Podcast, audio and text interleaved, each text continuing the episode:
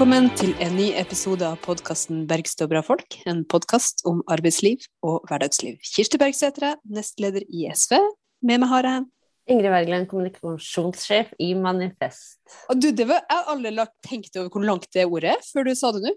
Jeg klarte nesten ikke å si det engang, så det er veldig lovende å være kommunikasjonssjef og ikke kunne kommunisere sin egen tittel.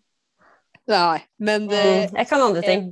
Vel andre ting du skal kommunisere enn tittel, er det ikke det? Sikkert. Vil du skjønne det. Apropos eh, kommunikasjon. Vi eh, må ønske hjertelig velkommen til eh, dagens eh, gjest. Han heter Jonas Bals. Han er utdanna maler, litt senere historiker. Vært aktiv i fagbevegelsen siden eh, 90-tallet. Jobber som rådgiver LO, og er sannelig aktuell med en bok som er ganske svær, tjukk, og heter Streik. Velkommen til oss, Jonas. Tusen takk.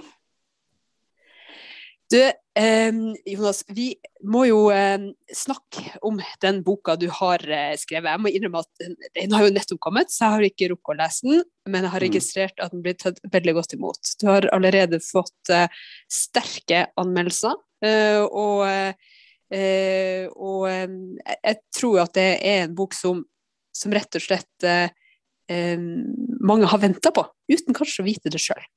Kan ikke du starte med å fortelle oss hvorfor du har gitt deg ut på den boka som nå ligger der eh, mange, mange sider, mellom mm. to harde permer, eh, og et ganske samfunnsformende innhold? Jo, det kan jeg veldig godt gjøre. Um, kan du si at boka starta på en måte ikke så ulikt, litt sånn som uh, du og Ingrid holder på på denne poden her, med en litt sånn mer sånn aktualitetsfri. Den første samtalen jeg hadde, var med Espen, som var klubbleder i Foodora. Og jeg ville på en måte sette meg ned med han for å høre hvordan de hadde gått fram for å gjøre streiken sin så vellykka som de gjorde. Hva kan andre lære av det?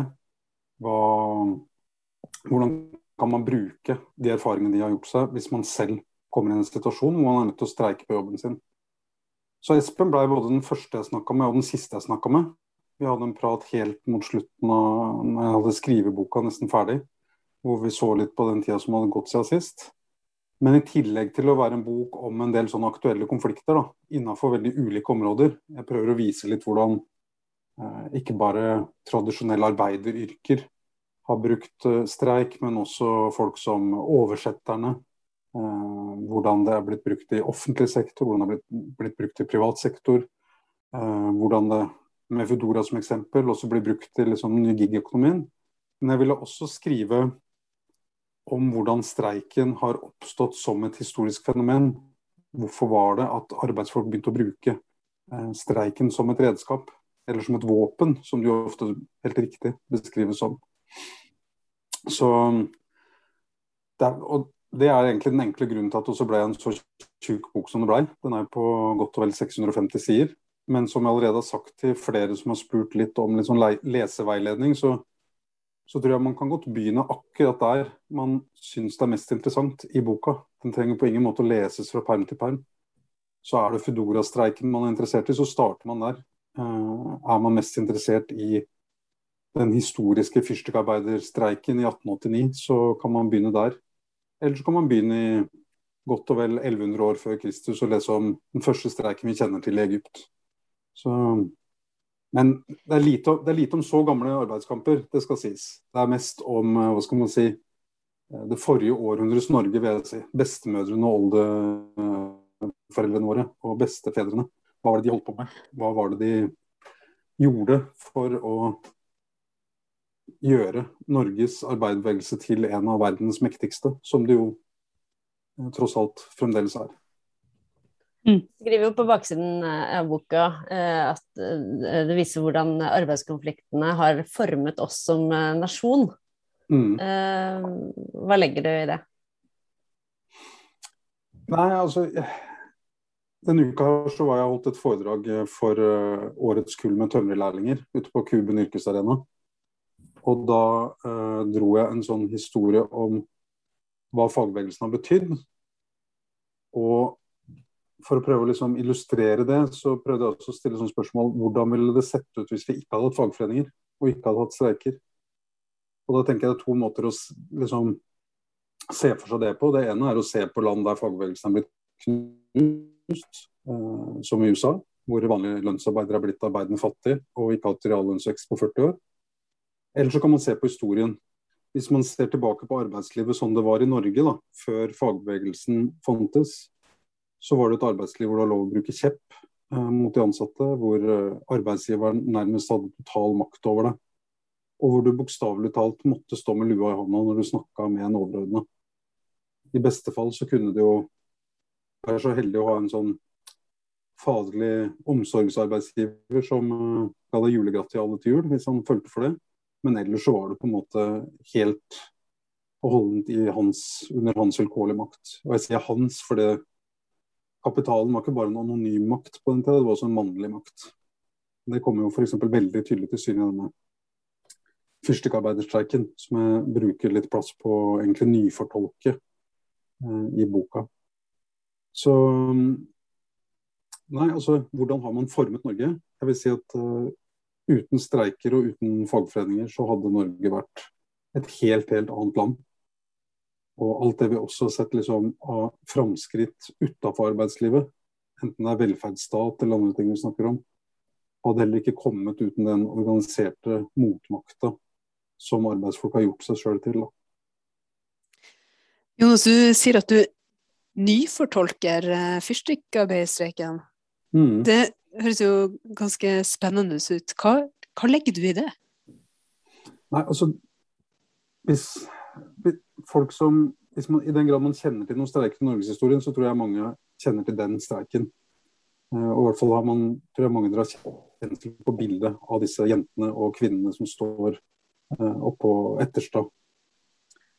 De, det som slo meg da jeg begynte å lese meg opp på den streiken, for jeg tenkte jeg skulle prøve å finne så mye materiale som mulig om den, og jeg har sikkert lest bortimot 100 ulike historiske framstillinger av den. Og det som slo meg, er at i hver eneste framstilling, med et par små hederlige unntak, så rekker de så vidt å nevne disse jentene og kvinnene. Og når jeg sier jenter, så er det igjen veldig bokstavelig talt. For mm. mange det var barnearbeidere, mange av dem.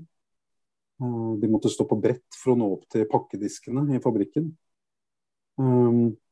Men du rekker så vidt å lese om at eh, de la ned arbeidet og gikk ut i streik. Og så begynner det å handle om Bjørnstjerne Bjørnson, Carl Jeppesen, Oskar Nissen og andre menn som hjalp dem. Noen ganger også noen av de borgerlige kvinnene som hjalp dem. Men jentene og kvinnene sjøl forsvinner alltid. Og det, det, er jo så symptomatisk for arbeiderhistorien som et område. Det er usynlige folk som satte få spor etter seg i de skriftlige kildene. Men jeg har nå prøvd å finne Heldigvis så ble det jo gjort intervjuer med noen av disse her uh, før de døde. De uh, fikk fortalt noe av sin egen historie der. Eh, jeg har kommet over beretningene til fagforeninga deres. Og noe av det som slår en når en leser dette, her, er jo f.eks. For, for å ta et helt sånn opplagt eksempel. Um, jentene og kvinnene på disse to fabrikkene her i Oslo de streika. Men gutta og mannfolka de ble igjen på jobben. Og de la ganske sterkt press på disse kvinnene for å få dem til å avslutte streiken. Og det var også av hensyn til gutta at de til slutt gikk tilbake til arbeid rett før jul i 1889. Um, det var kvinnenes fagforening som ble stifta først. Det var de pengene de samla inn under streiken som ble brukt til å sette i gang en fagforening blant gutta. Men når disse to foreningene etter mange mange år, for det må ha vært dårlig stemning der, det er jeg ganske sikker på, når de slo seg sammen etter et par tiår, så var det da guttas fagforening som ble regnet som stiftelsesdatoen for Fellesforeningen. Og fram til da så vil du finne en lang liste med navn på kvinnelige fabrikkarbeidere som var ledere i foreninga. Etter at de to foreningene ble slått sammen, så er det bare mannenavn på lista. Så det er, og det er bare ett eksempel, men det er veldig tydelig når man leser arbeiderhistorie, hvordan historien blir fortalt av noen ytterst, ytterst få. Og som regel blir fortalt av noen helt andre arbeiderne sjøl. I det tilfellet her så kan du si at Altså det er utvilsomt sånn at Carl Jeppesen, som da var redaktør i Sosialdemokraten, han ble en viktig støttespiller for den streiken. Men Karoline og Agnes og Kristine og alle de som faktisk var de som la ned arbeidet, som faktisk streika, De, jeg ville at historien skulle handle mer om dem. Jeg vil også få frem at de var ikke politiske noviser. Flere av de hadde vært med på å stifte den sosialdemokratiske forening her i Oslo. hadde vært politisk aktive i flere år. De hadde streika to ganger tidligere uten å lykkes. Og etter at den streiken eh, var overstått, så la den jo et veldig viktig fundament for organiseringsinnsatsen, ikke bare blant andre kvinnearbeidere rundt om i Norge, men også generelt i den nye fabrikkarbeiderklassen. Så den streiken, den har eh, Jeg ønsket å fortelle historien om den på en litt ny måte. Mm. På, på Sørmarka, der tillitsvalgte i fagbevegelsen ofte samles på, på kursring for å styrke sitt arbeid, så er det jo en veldig fin sånn statue eh, av eh, kvinnelige arbeider, der det står eh, noe sånt som 'sjelden nevnt og ofte glemt'. Ja. Og det er jo veldig sterkt å høre hvor gjennomgående det er. Um, mm. Og det er jo uh, utrolig viktig for, for hele arbeiderbevegelsen uh, mm. at, at noen ser det og, og også gjennomgår en sånn type nytolkning og ny fortelling. fordi det her er jo en streik som, som du peker på, um, at det ofte blir nevnt som en av de store historiske slagene, sammen med f.eks. Menstadslaget og, og det som har forma dagens arbeiderbevegelse.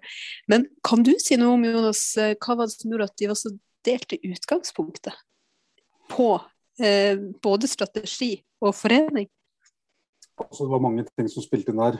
I det konkrete tilfellet med eh, disse to fyrstikkfabrikkene på Grønvoll og Bryn, så var nok noe av det som spilte inn, var at mange av mannfolka var eh, familieforsørgere.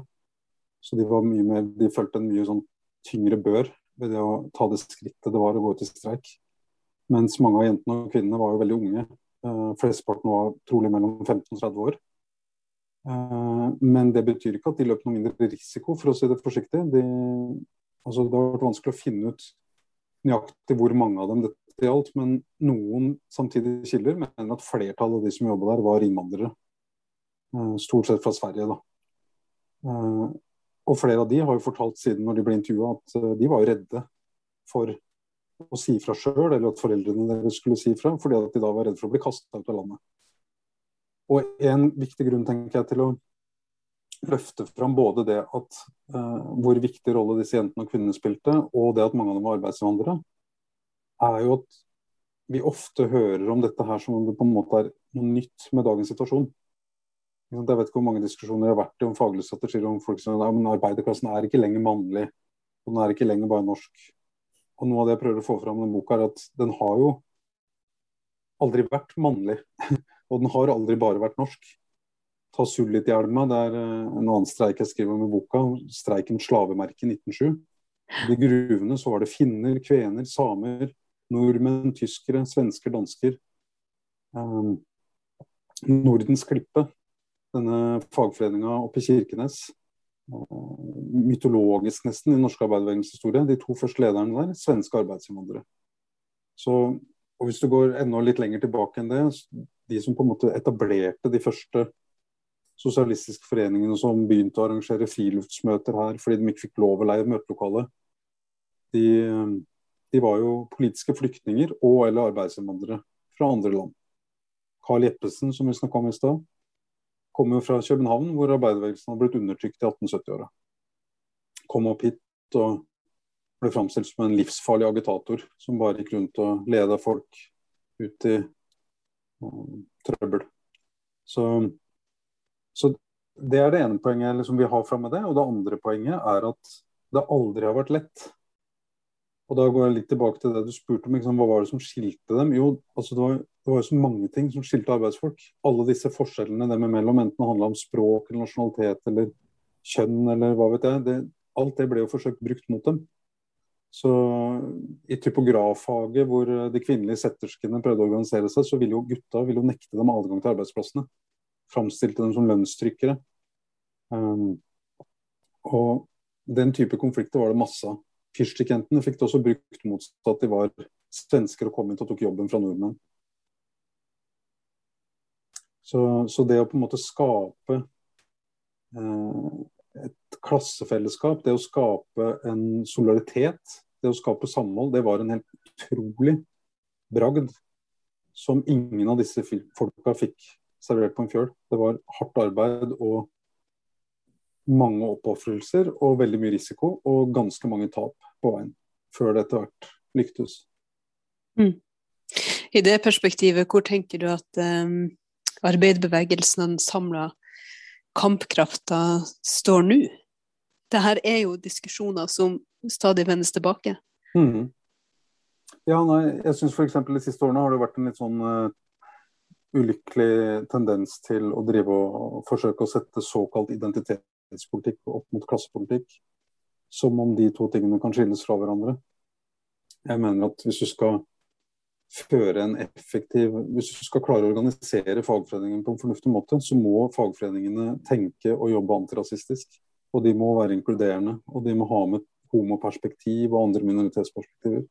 Hvis ikke så Ja, vi har sett i mange land Eh, og vi har også eksempler fra vår egen historie på hvor effektivt det er å sette folk opp mot hverandre. Og hvor lite godt det kommer ut av det for arbeidsfolk. Så det er eh, Jeg håper jo når folk leser denne boka, så blir det noe mer enn en sånn akademisk innsikt om at eh, det er liksom lurt å stå sammen. det, det, det, er, det er lurt å stå sammen. All empiri tyder på det. Men uh, det kan hende jeg bare lever en liten sånn uh, fagbevegelsevennlig boble. Det er jo en viss fare for det. Men jeg har likevel en følelse av at de, de siste årene har at måte, måten vi snakker om streik uh, det store vi, da, har forandret seg, seg, litt. For jeg mener det er ikke så mange år siden. Hver gang det var en streik, så var det bare sånn Sånn rammer streiken deg journalistikk som handlet om uh, ja, å nei, nå er togene står, stakkars deg, liksom. Mm. Uh, til at, at det, virker som journalistene på det også, og, og meddekningen generelt, har begynt å handle mer om sak. da. Uh, et veldig konkret eksempel på det var på NRK Nyhetsmorgen husker jeg, for ett år siden. Da var det streik blant bussjåførene. Da var mm. det en utrolig sterk reportasje. Um, jeg hørte da det var intervju med bussjåfører i Drammen. Eh, og så, så, var det flere av dem som fortalte at de da streiket eh, for første gang. Og han, mm. han husker han ene var fra Kongo, eh, som er et land det ikke er lov til å streike i. Og den andre var fra Etiopia, og han fortalte også da hvordan det hadde vært flere hundre som hadde blitt drept i en streik som han kjente mm. til. Og så beskrev de begge to da hvordan de, at de opplevde at det å streike var en viktig demokratisk rettighet. Og det var bare sånn utrolig sterkt å høre, selvfølgelig. Fordi det både ble liksom Apropos på en måte historiens hus på hvordan man snak, har hatt streik i, i, i, Norge for uh, en del år siden, men, men også mm. hvordan, hvordan, det jo er en, en, kamp, en rettighet uh, man ikke kan ta for gitt i det hele tatt i mange, mange deler av verden. Da. Så det var, på, det var sånn Ja, det var så, det var så fint, fint formidlet. Men men deler, deler, du den eh, opplevelsen? At, at, at det er større liksom, forståelse for liksom, streik som klassekamp eller streikevåpenet og den, den, legitime retten da, eh, vi som, som jobber har til å, til å, si fra i det ytterste, liksom, når konflikten spisser seg skikkelig til? Ja, altså jeg tror kanskje det har hjulpet at uh, journalistene etter hvert har begynt å kjenne på en del av de samme problemene som lønnsarbeiderklassen ellers. Eh, og at det i seg selv kan ha vært med på å øke den forståelsen. Og så vil jeg nok også si at eh, altså den klagesangen som du ofte hørte Jeg tar den opp til diskusjon helt mot slutten av boka. og Jeg diskuterer denne påstanden om at streik er gammeldags. Som jeg gjorde litt sånn ulike nyhetssøk på, og fant at den påstanden ble fremma veldig ofte på 1990- og begynnelsen av 2000-tallet. Og så har den blitt eh, Den dukker fortsatt opp innimellom. eh, Senest fra Stein Lier Hansen i Norsk Industri. Han sa kanskje ikke at det var gammeldags, men i hvert fall at det ikke lønte seg. Hvilket jo er en helt absurd ingen, ingen som noen, noen gang har tjent på en streik, tror jeg sitatet var. ja. Og du finner helt altså, identiske sitater uh, i Minerva på 1950-tallet f.eks. Det er en gammel påstand på høyresida om at uh, streik ikke lønner seg. Og det er bare å spørre, uh, spørre noen av de som har gått opp 70 000-80 000 de siste åra på noen, noen av de private omsorgsbedriftene f.eks., hvor de har hatt streiker. Om streik ikke lønner seg for dem. Det er, det er en, på, den påstanden faller på sin egen urimelighet, men denne påstanden om at det er gammeldags og at det liksom hører fortida til, den tror jeg Jeg tror en av grunnene til at den ikke står så sterkt lenger, er at folk ser hva som har skjedd i arbeidslivet i andre land rundt oss. Og hvor fort på en måte gulvet har rast når det først har begynt å smuldre opp. Og det Når vi diskuterer fordelingspolitikk og folk ønsker mindre klasseforskjeller, så blir det ofte en diskusjon om skatt. Men det er også noe jeg prøver å vise med denne boka, at mye viktigere enn det er jo den omfordelinga som foregår før skatt, gjennom inntektsoppgjørene. Det er der hovedfordelinga mellom arbeid og kapital foregår. Så, så jeg, jeg, tror man bare Jeg tror man får liksom drahjelp av tidsånden, rett og slett. At folk, eh, folk ser hvor mye som står på spill. Eh, og at ta et land som Tyskland, som eh, på mange måter ligna mye på oss for noen år siden. Hvor de etter disse Hards IV-reformene på begynnelsen av 2000-tallet og og en organisasjonsgrad som har stupt, har eh, ja, fått et arbeidsliv som ligner veldig på det engelske og amerikanske. Da. Et arbeidsliv mm. uten fagforeninger.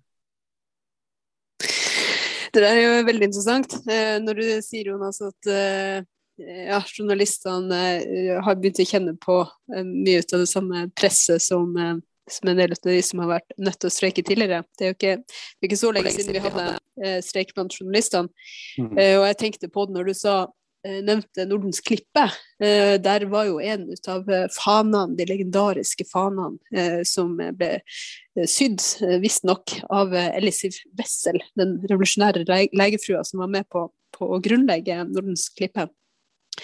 Med tittelen 'Ned med tronen, alteret og pengeveldet'. Eh, mm. Altså både kongen, presteskapet og, og kapitalismen, egentlig.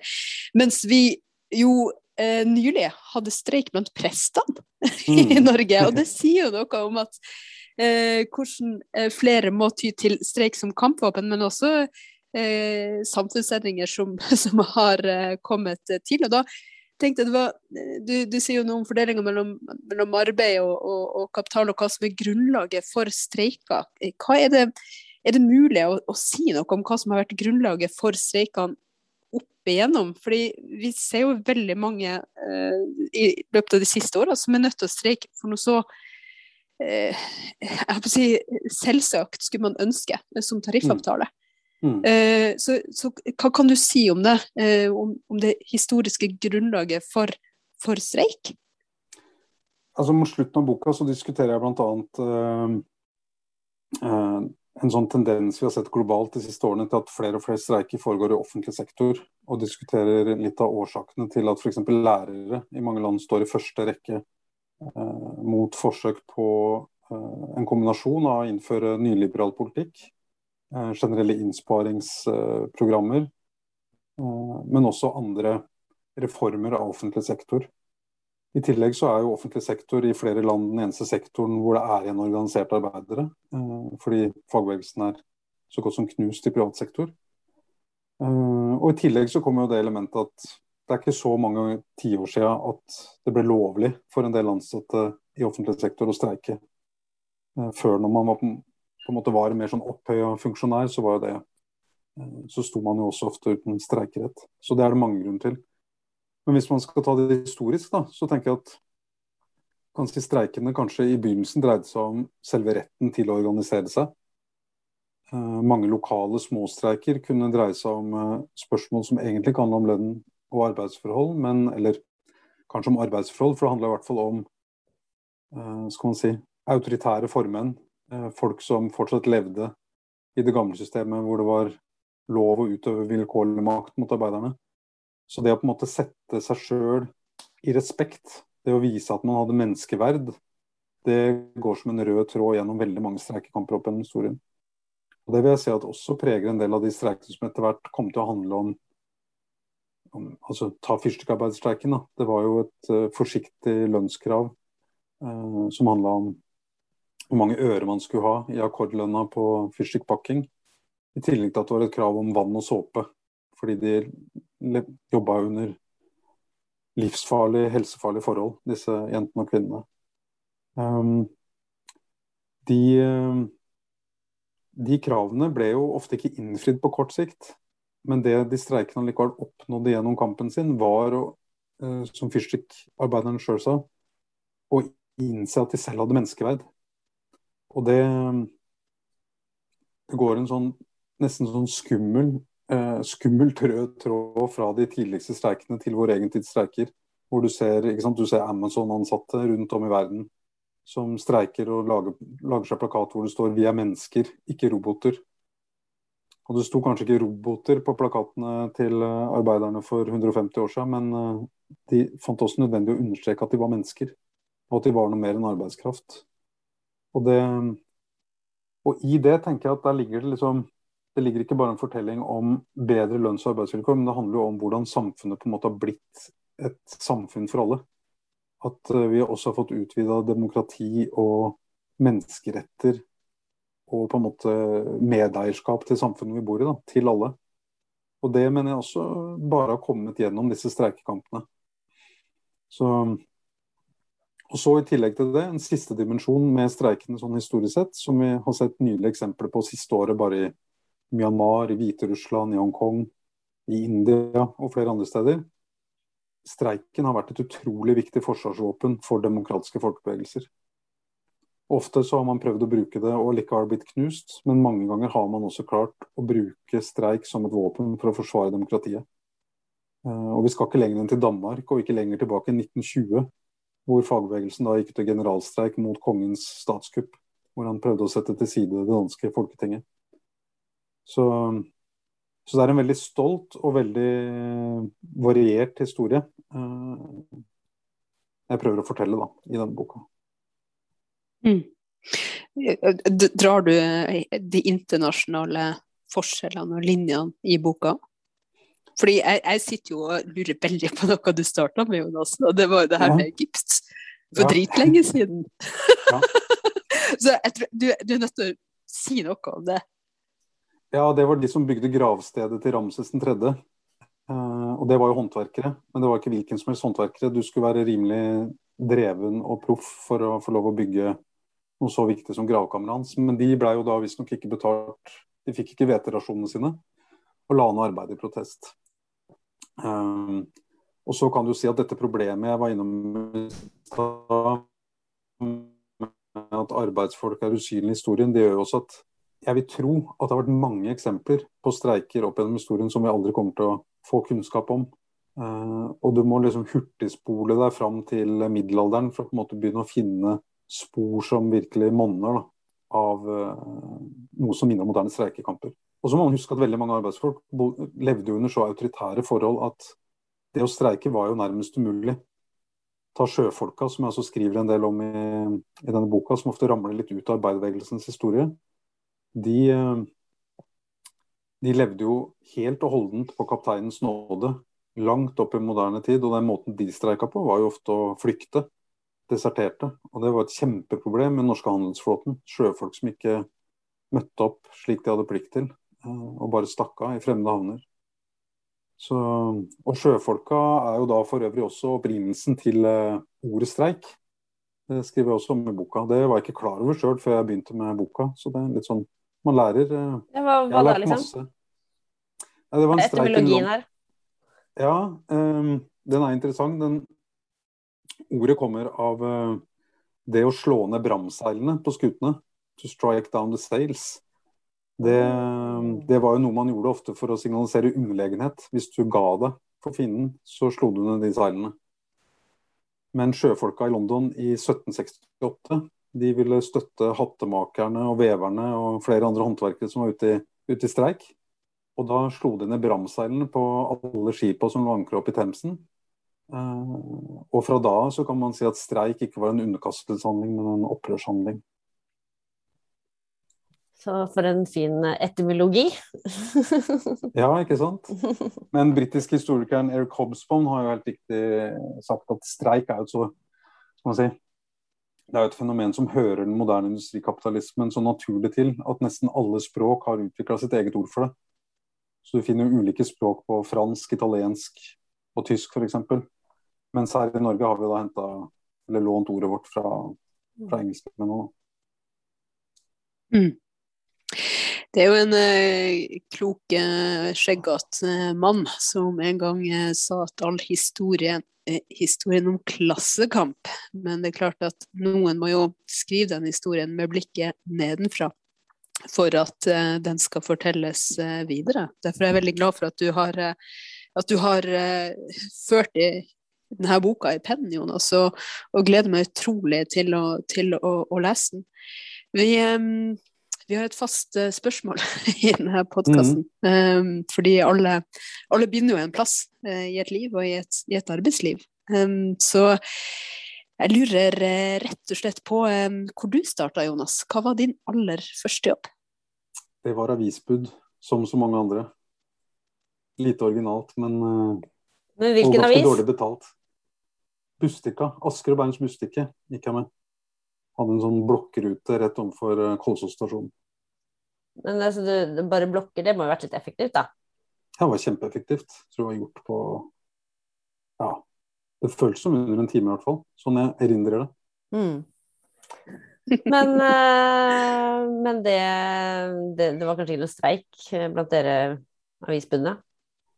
Ikke der hvor jeg var. Men avisbudene hadde noen veldig fine aksjoner og var en veldig fin og viktig gjeng i Oslo Transportarbeiderforening, som etter hvert ble min første fagforening der jeg meldte meg inn i. Når jeg fikk meg en fulltidsjobb som 17-åring. Men, var det eh, også som avisbud, den fulltidsjobben? Nei, det var på lager. Nei, det var på lager, ja. Men har du, eh, har du, noen egne personlige streikeerfaringer da, Jonas, som, eh, som du vil si nå? Uh, ja, altså jeg har deltatt på en del politiske streiker. Vi streika mot eh, Blåli-utvalget på slutten av 1990-tallet, som ville liberalisere bemanningsselskapene. Den streiken eh, tapte vi jo, for å si det sånn. Og siden har jeg streika mange ganger politisk for å prøve å reversere de lovendringene der. Jeg var med i en storstreik i jeg tror det må ha vært i 98, det, dette burde jeg ha hatt koll på, det er litt flaut. Men jeg var i hvert fall med i 2000, da vi streika for den femte ferieuka. Etter en uravstemning blant LO-medlemmene som sa nei til det anbefalte forslaget. Uh, og så var jeg med, selv om jeg var i pappaperm, så uh, var både jeg og han seks måneder gamle sønnen min med på bygningsarbeiderstreiken i 2010. det er en fin start på et ungt liv. Det er det. Mm, ja, det er det. Jonas, tusen takk for uh, at du var med oss. takk til deg som hørte på. Vi håper du vil fortsette med det. og for all del, støtt streiken som måtte komme. Hør, hør. Takk for at jeg fikk komme. ha det så godt. Ha det godt.